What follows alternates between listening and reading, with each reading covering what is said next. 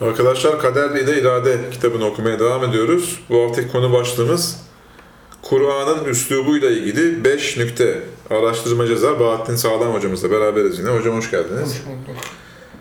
5 nükte ibadet, tevhid, mesuliyet, cehennem ve musibet. Evet. Bir de kader var. Musibet, musibet kader ilişkisi içinde değerlendiriyoruz. O burada açılacak değil mi hocam? Açılacak kader var yani. Musibet kader demektir. Değil mi? Direkt olarak kendi onun Evet. açılım olmuş aslında. Açılım oluyor. Kader. Yani. Bilinmedik musibeti geçen hafta okuduk ya. Musibet kader oluyorsa nimet kader olmuyor mu? Nimet de kaderdir. Her şey kaderdir. Her şey yazılımdır. Düzen içinde geliyor. İşte nimette insan o düzeni görüyor ama musibette Onu peşin olarak kabul ediyor zaten. peşin olarak kabul ediyor. Musibette göremiyor o düzeni. Dolayısıyla o şikayete Kaotik- yol açma riski olduğu için Kaotik, kaotikmiş gibi geliyor ama o da bir düzeni var. Onun da bir düzeni var. Başlıyoruz. Hamiyet diniyesi kuvvetli, Müslüman bir kardeşimiz, mevcut Müslümanların Kur'an anlayışını beğenmeyerek araştırmaya çıkmış, literatürlerinin fikir dünyasını işgal etmesinden ve başkasının tavuğu kendisine kaz olarak göründüğünden ve asrımızın insan benliğini fazla şişirmesinden, önce materyalistlerden Sonra İslam dışı mistik cereyanlardan e, şu gelen beş soruyu kapmış, kendisi cevaplayamayınca o sorulara kendi fikriymiş gibi sarılmıştır. Bir, birinci soru böyle madde madde Evet. gidiyoruz. Allah Kur'an'da binlerce yerde kendini övüyor. Şirki yani kendisine eş koşulmayı en büyük günah olarak gösteriyor. Bu Allah için bir bencillik ve dolayısıyla bir nakısa değil midir? Birinci soru bu. Cevap.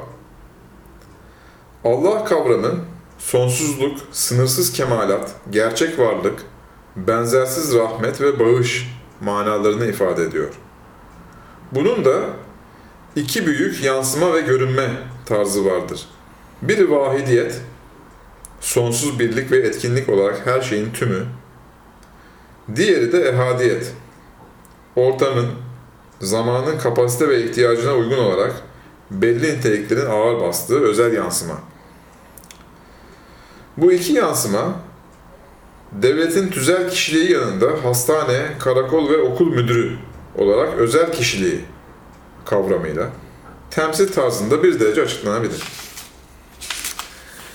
Büyük dindar mütefekkirler Birinci tecelliyi aşkınlık, müteal, gına ve kemal demişler. İkincisine de içkinlik, rahmet ve sevgi, vedudiyet demişlerdir.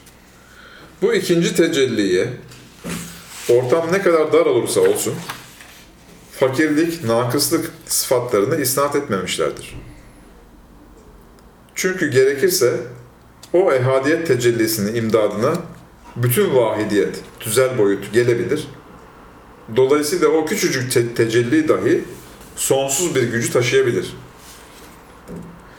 Evet, 400 bin defa büyütüldükten sonra ancak görünebilen bir hücrenin DNA'sı büyük ve adeta sonsuz bir hayata kaynaklık edebiliyor. Ve o DNA'nın maddi yönü değil, manevi yazılım ve dizilimi adeta sonsuz bir ilmi yansıtıyor ve bütün geçmiş ve geleceğe egemen olmayan bana karışamaz diyor. Başta Kur'an olmak üzere doğal ve dini metinler de bu DNA gibidirler. Bu açıdan başta İbn Arabi gibi zatlar her şey odur demişlerdir. İbn Arabi'ye göre ismi azam el alimdir. ilmi varlık boyutunu esas almışlardır. Fakat ölçüleri iyi bilen sünni alimler her şey ondandır. Her şey o değildir. Çünkü o sonsuzdur demişlerdir. Karakol devlettendir fakat devletin kendisi değildir diye sonsuzluğa dikkat çekmişlerdir. Evet DNA sonsuz bir ilmi gösterir. Fakat en basit bir ışıkla yıkılabilir. İşte bu özelliğiyle beraber sistemin ana rahminde çoğalıp zamanları ve mekanları şenlendirince bir nevi ölümsüz olduğu gibi başta insan olmak üzere bütün canlılar ve varlıklar Allah'ın o ilmi bütüncül sistemine entegre olunca değişik boyutlarıyla ebedileşiyorlar. Allah'a borç vermek, Allah'a yardım etmek, ona gitmek gibi deyimler bu çerçevede anlaşılmalıdır. Yani onun sistemine katılmak manasında. Demek varlığın bu engin ve çeşitli boyutları yanında insan gibi somut, sınırlı, ölümlü, binlerce derdi ve ihtiyacı olan varlığın başka bir boyutu ellerini ve ağzını açıp önümüzde duruyor. Kur'an dikkatleri gerçek ebedi ezeli olan Allah'a yöneltmekle Ey insan! Somutta, sınırlı da, bedende, putta boğulup kalma. Allah'ın varlığı ve rahmeti sonsuzdur. Onunla ihtiyaçlarını ve eksiklerini kapat diyor. Bunu sağlamak için de varlığın ebedi, müteal, sonsuz boyutunu sıkça ve övgüyle anlatıyor. Burada Allah'ın kendi kemalatını tekrarla göstermesi, insana olan rahmetinin gereğidir. Asla bir bencillik ifadesi değildir. Çünkü bencillik, sınırlılık ve yetersizliğin ifadesidir. Bununla beraber Muhammed İkbal gibi düşünürler. Allah'ın da bir beni var. Onun için kendini övüyor demişlerse de büyük alimler hayır. Allah'ın zatıyla ifade edilen ilahi benlik tecellileri bir derece sınırlı olan esmanın benlikleridir. Allah ise sonsuz ve gani mutlaktır demişlerdir. Evet, uluhiyet devletinin bakanlıkları gibi olan esmanın bir benlikleri ve kendine has yansımaları vardır. Devletin daireleri gibi somut tecellileri vardır. 24. söz 1. dal. Bu da sözlerden değil mi Üstad? Hmm. Evet, öğretmenin, annenin canı gibi sevdiği öğrenci ve evladına binlerce tekrarda bir şeyler anlatması, kendi öz benlikleri olan bilgiyi ve sevgiyi yüz binlerce defa öğrencisine ve evladına göstermesi, onların gelişmesi içindir. Tekrar ve ısrar, muhatabın yetersiz kapasitesinden dolayıdır. Nitekim bazen cezalandırma yöntemini dahi denerler. Evet biz Kur'an'ı değerlendirirken kim söylemiş, kime söylemiş, ne söylemiş, hangi bağlamda söylemiş prensibini göz önünde tutmadayız. Bu prensip gibi edebiyat ilmi açısından bakmamızla beraber Allah kavramı konusunda bir iki problem daha kalıyor. Şöyle ki, Tevrat, İncil, Kur'an gibi semavi literatür Yunan teolojik literatürüyle karıştı.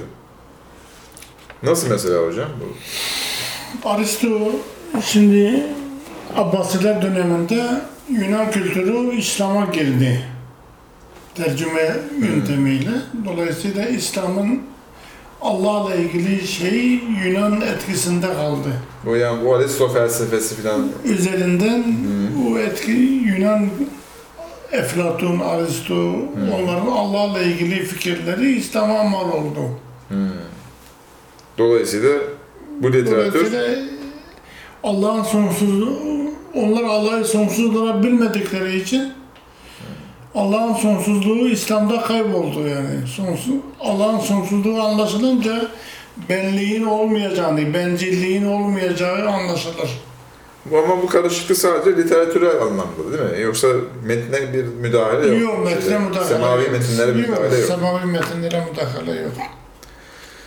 Ayrıca devletle karakol birbirinin yerine kullanıldı. Dindarlar Allah'ı gökte, despot, sert bir kral olarak anladılar. Son dönem tasavvufu da ehadiyet kavramından bu gökteki kralı anladı. İş bir derece putperestliğe yanaştı. Halbuki Tevrat, Firavun'a karşı Allah'ı tarif ederken O ben benim diyor. Benlik ve bilincin somut versiyonunu yani benlik ismini gösteriyor. Ehadiyeti anlatıyor. Çünkü materyalist firavun soyutu ve sonsuzu kavrayacak kapasiteye sahip değildir. Fakat aynı Tevrat, aynı bab içinde Beni İsrail yani dindar medeni millet için sizin tanrınız Yahve diyor. Yani ey o, her, ey her yerde sonsuz olarak var olan diyor. Dinin gereği olan vahidiyeti gösteriyor. Tevrat bazen de Elohim, her şeyin herkesin tanrısı diyor. İncil de Allah vahidiyet yönüyle her yerdedir. Her şekle girer diyor. Matta İncil'i 25. baptaymış hocam. Ehadiyet tecellisiyle Allah ruhtur, kelamdır, logostur. Yani ilim ve varlığın aklıdır, göktedir. Yani metafiziktir diyor. Yuhanna İncil'i 1. bab 1. ayet. Gök, Sami diller literatüründe uzay demek değildir. Metafizik boyut manasındadır. Ki bu kavrama mukabil olarak dünya fizik alemin ifadesidir. Evet varlığı ve varlığın birliğini çok iyi bilen Hz. İsa, İncil'de Baba, Oğul ve Ruhul Kudüs'ün yani tabiat, din ve manevi değerlerin, ruh, beden ve bilincin birliğini yani bütünlüğünü savundu. Fakat insanların dar zihniyeti bunları ayrı ayrı gerçekler olarak anladı. Kur'an 4. sure 171. ayette üçtür demeyin. Sadece birdir deyin. Bu birlik sizin için daha hayırlıdır dedi. Sonra Maide suresinde 5. sure 73. ayet Allah üçün üçüncüsüdür diyenler kafirdir dedi. Bence bu bölücülükte Müslümanlar da Hristiyanlar kadar suçludur.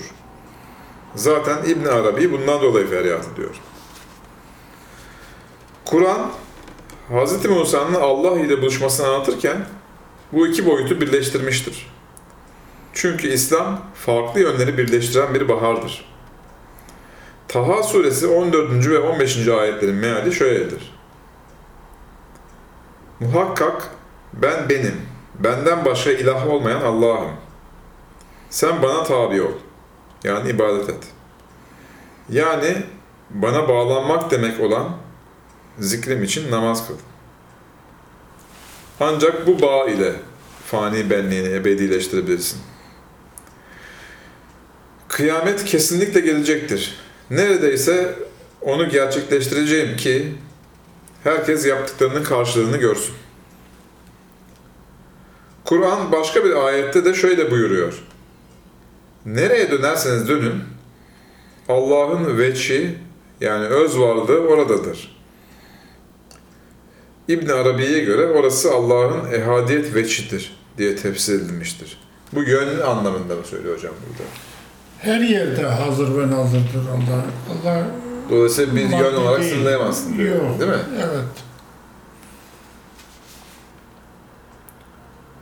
Allah hakkında kelam ilminin literatürü olan zat, vacibül vücut, zat-ı akde- akdes deyimlerini kullanmıyor. Çok acıdır ki bu tabirler zamanla yanlış anlaşıldı, somut varlık olarak bilindi. Dolayısıyla dindarlar dinsizlere göre putperest gibi göründüler. Allah'ı sonsuz bilmek lazım. Yani gö- ileride, gökte, sonsuzda bir yerde kral gibi maddi bedeni olan bir Allah tasavvuru yanlıştır. Allah sonsuzdur, ruhtur, nurdur. Her yerde hazır ve nazırdır. Bu kainatta onun ismidir, onun nefsidir, onun somut boyutudur. Bu isimlerden dolayı mı insanlar işte zat-ı akdes bilmem ne yani İşte o vacibül vücut Bunlar gibi. hepsi tecelli. Tecelli Bunları olması... koyunca mı samut gibi görüyorlar acaba? Evet, o, bu literatür somutlaştırdı Allah'ı. Allah somut olunca putperestlik oluyor bir nevi. Fakat Bediüzzaman ehadiyet kavramını diğer sofiler gibi anlamadı. Her şey her yerde Allah'ın ehadiyet cilvesidir. Herkes direkt olarak onunla görüşebilir. Peygamberler vahyi vahidiyetten değil de bu ehadiyet cilvesinden almışlar. Dediyse de e, burada birinci sözde, 31. sözde ve ayet-i kübrada geçmiş galiba açıklamalar. Dediyse de kelam ilminin toplumda ve onda olan izleri yine uluhiyet kavramının anlaşılmasına yol vermedi. Nurcu bir profesöre bunu söyledim. Biz eşariyiz, ötesine geçemeyiz diye kaçındı diye dipnotumuz var. Bu deyimleri kullanmak tamamıyla yanlıştır demi- demiyorum. Fakat bunları asıl ıslah yapanlar Allah'ın sonsuzluğunu, madde ve mekandan münezzeh ve mücerret olduğunu unutuyorlar. Hatta sırf bu tehlike için Kur'an bu gibi somut sınırlı sıfatları kullanmamıştır diyebiliriz. Ayrıca Kur'an sıfat ve isim ayrımını yapmaz. Çünkü bizim sıfat dediğimiz şey aslında Allah'ın sonsuz varlığını somut ve bir derece sınırda ehadiyet cilveleridir.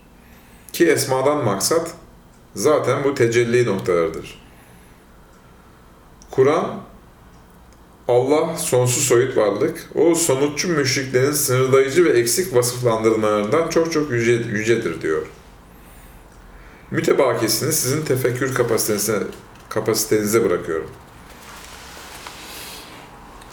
İkinci maddeye geçiyorum hocam. Bu ikinci soru. İkinci soru. Kur'an'da insanları ve cinleri sadece bana ibadet için yarattım deniliyor. Bu da insanın değişik alanlardaki şevkini ve çalışmasını baltalıyor. Bunun yanında ibadet insanın benliğini ve kişiliğini darbeliyor. Mesela namaz, özellikle secde insana çok ağır geliyor. Cevap İbadet etimolojik ve deyim olarak aşağılanma, zillet, kişiliksizlik manasına asla gelmez. Bu kutsal kelimenin etimolojik ve asıl manası insanın varlığını ve hayatını garanti altına alan bir varlığa dayandırması ve ona tabi olması demektir. Hz. Peygamber'in bir dedesinin ismi yani lakabı Abdülmuttalip'tir. Çünkü bu zat Muttalip denilen şahıstan asla ayrılmıyordu. Ona tabi olmuş? Hmm. İbadet, abd, abid kelimelerinin dini manası ise şudur. Fani, ölümlü, muhtaç insanın her hal ve harekette Allah'ın sonsuz mükemmel düzenine göre davranması, ayak uydurması, başka bir tabirle o sistemle entegre olması demektir. Burada dünyevi, uhrevi, ibadet ve iş alanı farkları yoktur. Evet, her şey bir faturası olduğu gibi insanın bu ilahi sistemle beslenmesinin de bir bedeli vardır. O da onunla entegre olmak ve ona göre yaşamaktır. Ve bu yolun alternatifi yoktur. Çünkü ilahi devletin düzenine uymayan, sayısız nesnelere kul ve köle olmak zorunda kalır. Kişiliği ve benliği parçalanır. Bediüzzaman Said Nursi bunu güzel bir temsil ile şöyle izah ediyor. Eğer desen, kader bizi böyle bağlamış, hürriyetimizi selbetmiştir. İmbisat ve cevelana müştak olan kalp ve ruh için kadere iman bir ağırlık, bir sıkıntı vermiyor mu? El cevap, kat a ve asla. Sıkıntı vermediği gibi nihayetsiz bir hüffet yani hafiflik, bir rahatlık ve ruh ve reyhanı veren ve emni emanı temin eden bir sürur, sevinç, bir nur veriyor. Çünkü insan kadere iman etmezse, küçük bir dairede cüzi bir serbestiyet, muvakkat geçici bir hürriyet içinde dünya kadar ağır bir yükü bir çare ruhun omzunda taşımaya mecburdur. Çünkü insan bütün kainatta alakadardır. Nihayetsiz makasıt yani amaçları ve metalibi var yani talepleri var. kudreti, iradesi, hürriyeti milyondan birisine kafi gelmediği için çektiği manevi sıkıntının ağırlığı ne kadar müthiş ve muvahhiş olduğu anlaşılır. İşte kadere iman bütün o ağırlığı kaderin sefinesine atar, kaderin gemisine atar. Kemali rahatla, ruh ve kalbin kemali hürriyetiyle kemalatında serbest cevelanına hareket etmesine meydan veriyor. Yalnız nefs-i emmarenin cüzi hürriyetini selbeder ve firavuniyetini ve rububiyetini ve keyfe ma yaşa hareketini kırar. Yani kafasına göre davranma oluyor değil mi? Keyfe Evet ma yaşa. istediği gibi. Kadere iman o kadar lezzetli, saadetlidir ki tarif edilmez. Yalnız şu temsille o lezzete ve o saadete bir işaret edeceğiz. Şöyle ki, iki adam bir padişahın payi tahtına giderler. O padişahın mahalli garayip olan has sarayına girerler. Biri padişahı bilmez, o yerde gazibane, Sarıkhane tavatını etmek ister. Fakat o bahçe, o sarayın iktiza ettikleri idare ve tedbir ve varidat ve makinelerini işlettirmek ve garip hayvanatın erzakını, erzakını vermek gibi zahmetli külfetleri görür, mütemadiyen ızdırap çeker. Yani orada aslında istediği gibi hareket etmeye çalışıyormuş o saray içerisinde Evet. değil mi? İş ona kalıyor. Şehir Ona bakıyor ki ya. kalıyor. Bir yere iş yapılacak. Ha. Ha, eziliyor. sürekli ızdırap çeker. O cennet gibi bahçe başına bir cehennem gibi oluyor. Her şeye acıyor, idare edemiyor. Teessüfle vaktini geçirir. Sonra da o hırsız edepsiz adam teyidip suretiyle yani cezalandırmak suretiyle hapsedilir. İkinci adam padişahı tanır.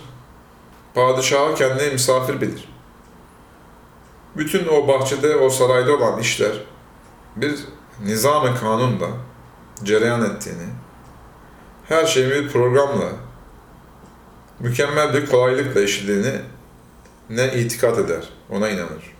Zahmet ve külfetleri padişahın kanununa bırakıp kemali safa ile o cennet misal bahçenin bütün lezzetlerinden istifade edip padişahın merhametine ve idare kanunlarının güzelliğine istinaden her şeyi hoş görür, kemali lezzet ve saadetle hayatını geçirir. 26. söz 3. mehpasmış hocam. Evet. Ne e, sırrıydı buradaki sır? Kadere inanan kederden, bunalımdan kurtulur. Kadere Men amene bil kaderi emine minel kederi. Kadere inanan bunalımdan kurtulur. Sırrını anlayın diyor. Evet, İbni Abbas yukarıda geçen ayeti Yani biz insanları ibadet için yarattık ayetini Hı. insanları ve cinleri beni tanımasın, Tanısınlar diye yarattım. diş şeklinde tefsir etmiştir diyor. Yani sırf bana ibadet etsinler diye yarattı değil İbadetten onun kasıt yani, sadece değil mi? namaz değildir, tanımak. Tanımaktır değil mi? En büyük ibadet Allah'ı tanımaktır, marifet. Tanınmak istiyor ya değil mi? Tanınmak istiyorsun. En büyük ibadet odur. İnsanlar da birbirinden onu beklemiyor mu zaten? Evet, tan tan tanımak. Beni tanı demek istiyor değil mi Evet, tanı. Dolayısıyla Allah'ın bunu beklemesi gayet doğal yani. Normaldir. Normal. Yani eğer insan inancında, günlük hayat düzeninde o sonsuz sisteme bağlı kalmazsa camideki ve kilisedeki 3-5 ritüel insanı kurtarmaz. Yani ibadet aydınlık bir inancı, dünyevi bir düzeni ve kutsal ritüelleri içerir. Sadece ritüel değildir. Evet Kur'an iki yerde hayvanların bütün yaşamına salat, namaz diyor. Ve ikinci sure 238. yani e, Bakara suresi değil mi hocam? Hmm. 238. ayette bizim günlük kullandığımız beş vakte de orta namaz diyor. Şöyle ki, bütün canlılar namazını yani yaşam görevini ve tesbihini yani yaşarken çevreyi kirletmemeyi, temizlemeyi bilmiştir. Nur suresi 41. ayetmiş. Yani yazılım tarzında bu görevlerini tam uyguluyorlar.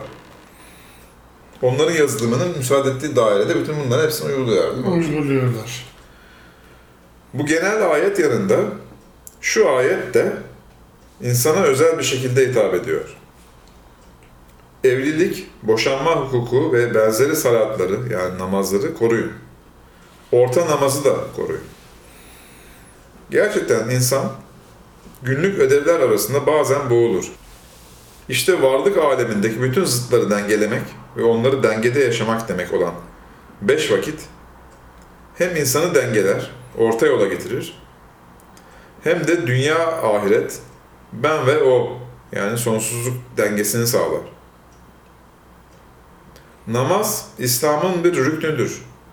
İslam ise bütün zıtları dengelemek, varlığa baharı getirmek demektir. Fakat zıtlar aleminde yaşamak manevi bir fırın yani cehennem olduğu gibi o zıtları dengelemek ve onları dengelemenin bir formülü olan beş vakit namaz da herkes için kolay bir iş değildir. Kur'an bu zorluk konusunda şöyle buyuruyor. Bu imtihan ve zıtlar alemindeki zorlukları yenmek için sabır ve namazdan yardım alın.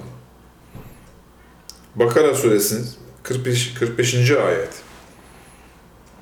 Yani sabır zıtların çatışıp mukadder meyvelerini görünceye kadar dayanmayı sağladığı gibi namaz da maneviyatıyla, eskar ve hareketleriyle dengelemeyi ve sırat-ı müstakimi gösterir. Şöyle ki, özetle, kıyam maddi boyutu ve maddi somut işleri temsil ediyor. Secde maneviyatı, soyutu, sonsuzluğu temsil eder. İkisinin ortası olan rükû ise dengeyi, İslam'ı ve sırat-ı müstakimi bildirir. Onun için Bakara 43'te namaz emredildikten ayrı olarak rükûa vurgu yapılmıştır. Ve Bakara 45'teki o takvalı müminler dışındaki yere ağır gelir. Mealindeki ayette o zamiri hem namaza hem de rükû kelimesinin isim masları olan rekata raci olabilir. Bir kardeşimiz secde çok ağır geliyor. Keşke Budistler gibi nirvana bizde de olsaydı demişti. Kardeşimiz bilmiyordu ki nirvana ile kastedilen sonsuz soyut ve eril varlık boyutunun İslam'daki ismi secdedir.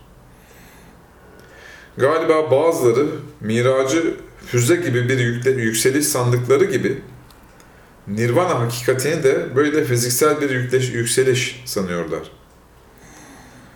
Halbuki ibadet, entegrasyon, soyut ve sonsuzu elde etmek, insanın somut nefsani benliğini o sonsuz deryada eritmesidir. Bire sonsuz varlık kazanmasıdır. Evet, bir buz parçası hükmünde olan benliğini ebedi tatlı bir havz-ı kevser içine atan için zararlı çıktı yok oldu denilmez. 21. lema İhlas Risalesi de yazmış Üstad. Evet insan ya sonsuz soyut boyuta çıkacaktır veya zıtların çok çok sıcak fırınında pişmeye devam edecektir. Ki o sonsuz soyut boyuta çıkmanın tek yolu var. O da rahmaniyetin bu cehenneminden geçmektir. Kur'an şöyle buyuruyor. Bütün zıtları gelişmek için çalıştıran Rabbine, yani rububiyetine andolsun. Yokluğu, kaçışı inanmamayı tercih eden, o kafirleri ve yokluğun adı olan şeytanları toplayacağız. Sonra onları cehenneme dayayacağız ki o yokluk kirlerini temizleyelim. Sonra her gruptan Rahman'a yani Allah'ın diyalektik düzenine karşı hangilerinin daha azgın, azgın olduğunu ortaya çıkaracağız. biz hangilerinin o cehenneme dayatmaya daha layık olduğunu biliriz. Evet, sizden hiç kimse yoktur ki mutlaka o cehennemden geçiyor. Hepinizin bu evrensel cehennemden geçmesi, Rabbinin terbiye edici isminin kesin olarak gerektirdiği ve asla firesi olmayan kat'i bir hüküm ve kanundur. Evet, herkes rahmaniyeti, yani imtihanı somut zıtlar dünyasında yaşıyor. Ve bu evrensel, külli, gözle görünen bir yasadır, sünnetullah'tır.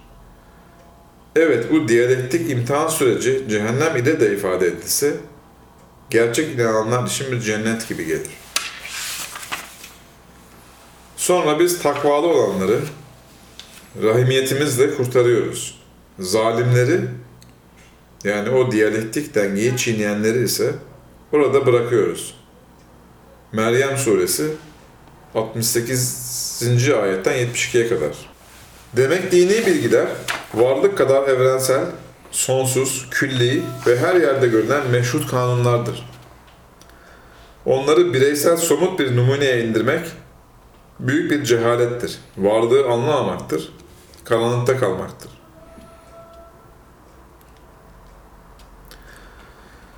Üç, üçüncü soruya geçiyoruz hocam. Evet. Kur'an'da cehennem tasvirleri çok şiddetlidir. Ayrıca biyolojik bir varlığın karbon, oksijen hatta nükleer bir ateşin içinde yaşamasını anlamıyoruz. Bu da güzel soru aslında bunlar. Evet, güzel soru. Çok kişinin sorduğu sorular yani. Evet. Cevap, bunun beş cevabı vardır. A. Bir evvelki soru cevapta görüldüğü gibi dini bilgilerin mahiyeti sonsuz külli kanunlardır. İşte bu kanunlar arketip gaybi alemde somut olarak görünürler. Bu da o gerçeklerin azametini gösterir. Çünkü genelin irşadı bunu gerektiriyor.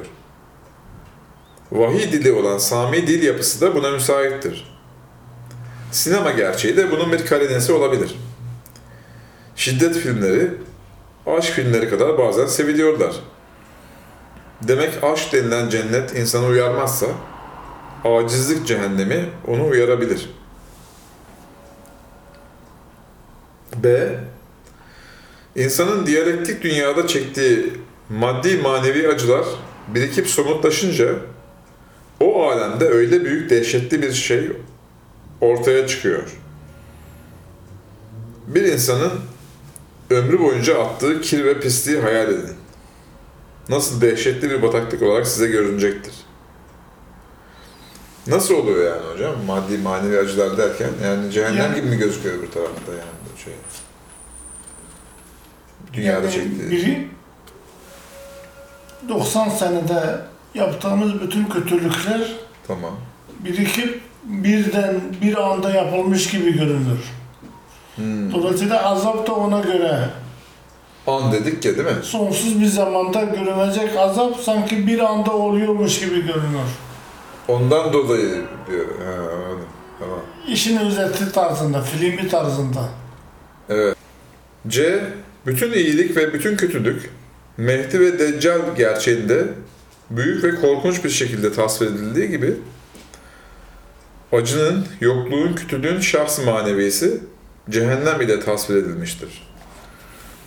Bir devletin, bir cemaatin yaptığı bütün kötülüklerin onun başkanında görünmesi gibi. Yani kolektif kişilikler gayb aleminde somut birer fert olarak görünürler. Nasıl mesela Adem insanlığın temsilcisi olarak görünüyordu değil mi? Evet, hepsinin temsil ettiği için öyle büyük görünüyor. Gayb aleminde büyük, Büyük böyle değil mi? görünüyor. Görünüyor. Ki ilkel somut bir fert olan insanı o cehennem çukurundan çıkarıp o soyut saadet saraylarına yükselsin. D. Varlıkta biyoloji aleminde sonsuz güzellikler ve nimetler olduğu gibi sonsuz celal te- tecellisi olarak nice güneş cehennemleri, nice yokluk zindanları, zindanları vardır. Ve Kur'an irşat için bunları genele gösteriyor. Bu gibi ifadeler bütün bu acılar birden her bir insanın başına gelir manasına gelmez. Cemal tecellisi olan bütün nimetlerin insanın eline birden geçmediği gibi. Bu irşat anlamında bunlar. İrşad Vurgulanmış için, abi. kaydırmak için. Ha bak öyle, yaparsan görünüyor. Bir de metafizik alemde öyle görünüyor. öyle görünüyor. Öyle görünüyor. Birden oluyormuş gibi görünüyor. Anneler çocuklarını korkutur ya bunu yaparsan ağzına biber sürerim diye. O da yapmaz o zaman.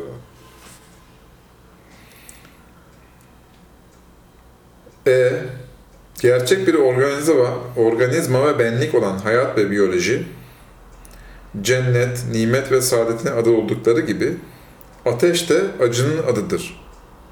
Çünkü en büyük acı organizmanın ve benin dağılmasıdır.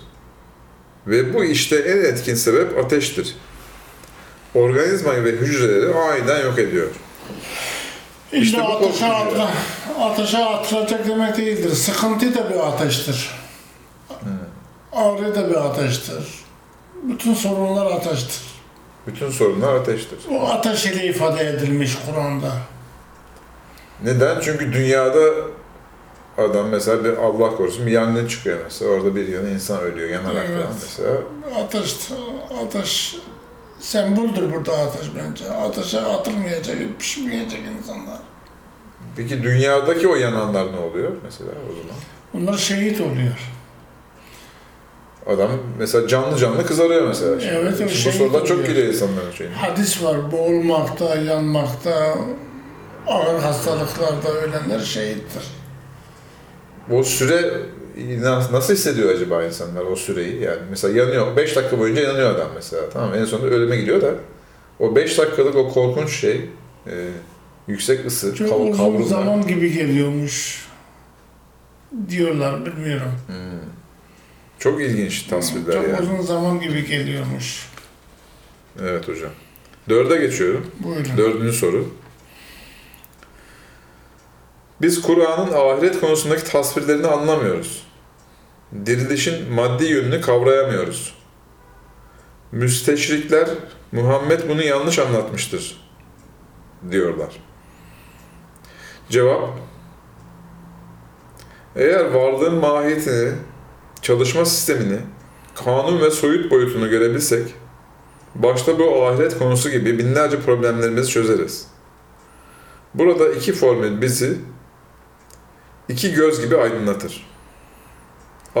Varlıkta beşli sistem var. İki ayak, iki kol ve baş. Karbon, azot, hidrojen, oksijen dörtlüsü ile beşinci element gibi olan ışık, yani fotosentez. Dört parmak ve baş parmak. Dört halife ve Hazreti Peygamber. Dört melek ve Allah gibi. B. Bu beşli sistemden daha yaygın, hatta her nesnenin, her varlığın e, var olmasının vazgeçilmez şartı olan enerji, yazılım, gelişme. Bu üçlü formülün dini tabir ile adı kudret, ilim ve iradedir. Bu üçü birbirisiz olmaz. Her şey bu üçü bir arada sihirli formülün sonucudur. Demek eğer insan bunları daha üst bir katmanda bir araya getirebilse, daha doğrusu onları bölmezse, değil ahiretin mahiyetini, uluhiyeti bile anlar. Evet, eğer varlığın devamlılığı esas ise ve insanın e, hatta her nesnenin yazılıma dayalı olan ilmi yönü ölmüyorsa, elbette bu ilmi boyutun maddi, cismani kudret boyutu da olacaktır. Bu gerçeğe ilaveten, kudret ve ilimden yaratılan bu varlıkların iradeyle evrimleşmesi, hatta maddi otomların ahiret yapısında değerlendirilmeleri, yapısal ve esaslı bir hakikat olarak önümüze çıkacaktır. 30. söz 2. mepasta yazmış Üstad bunu.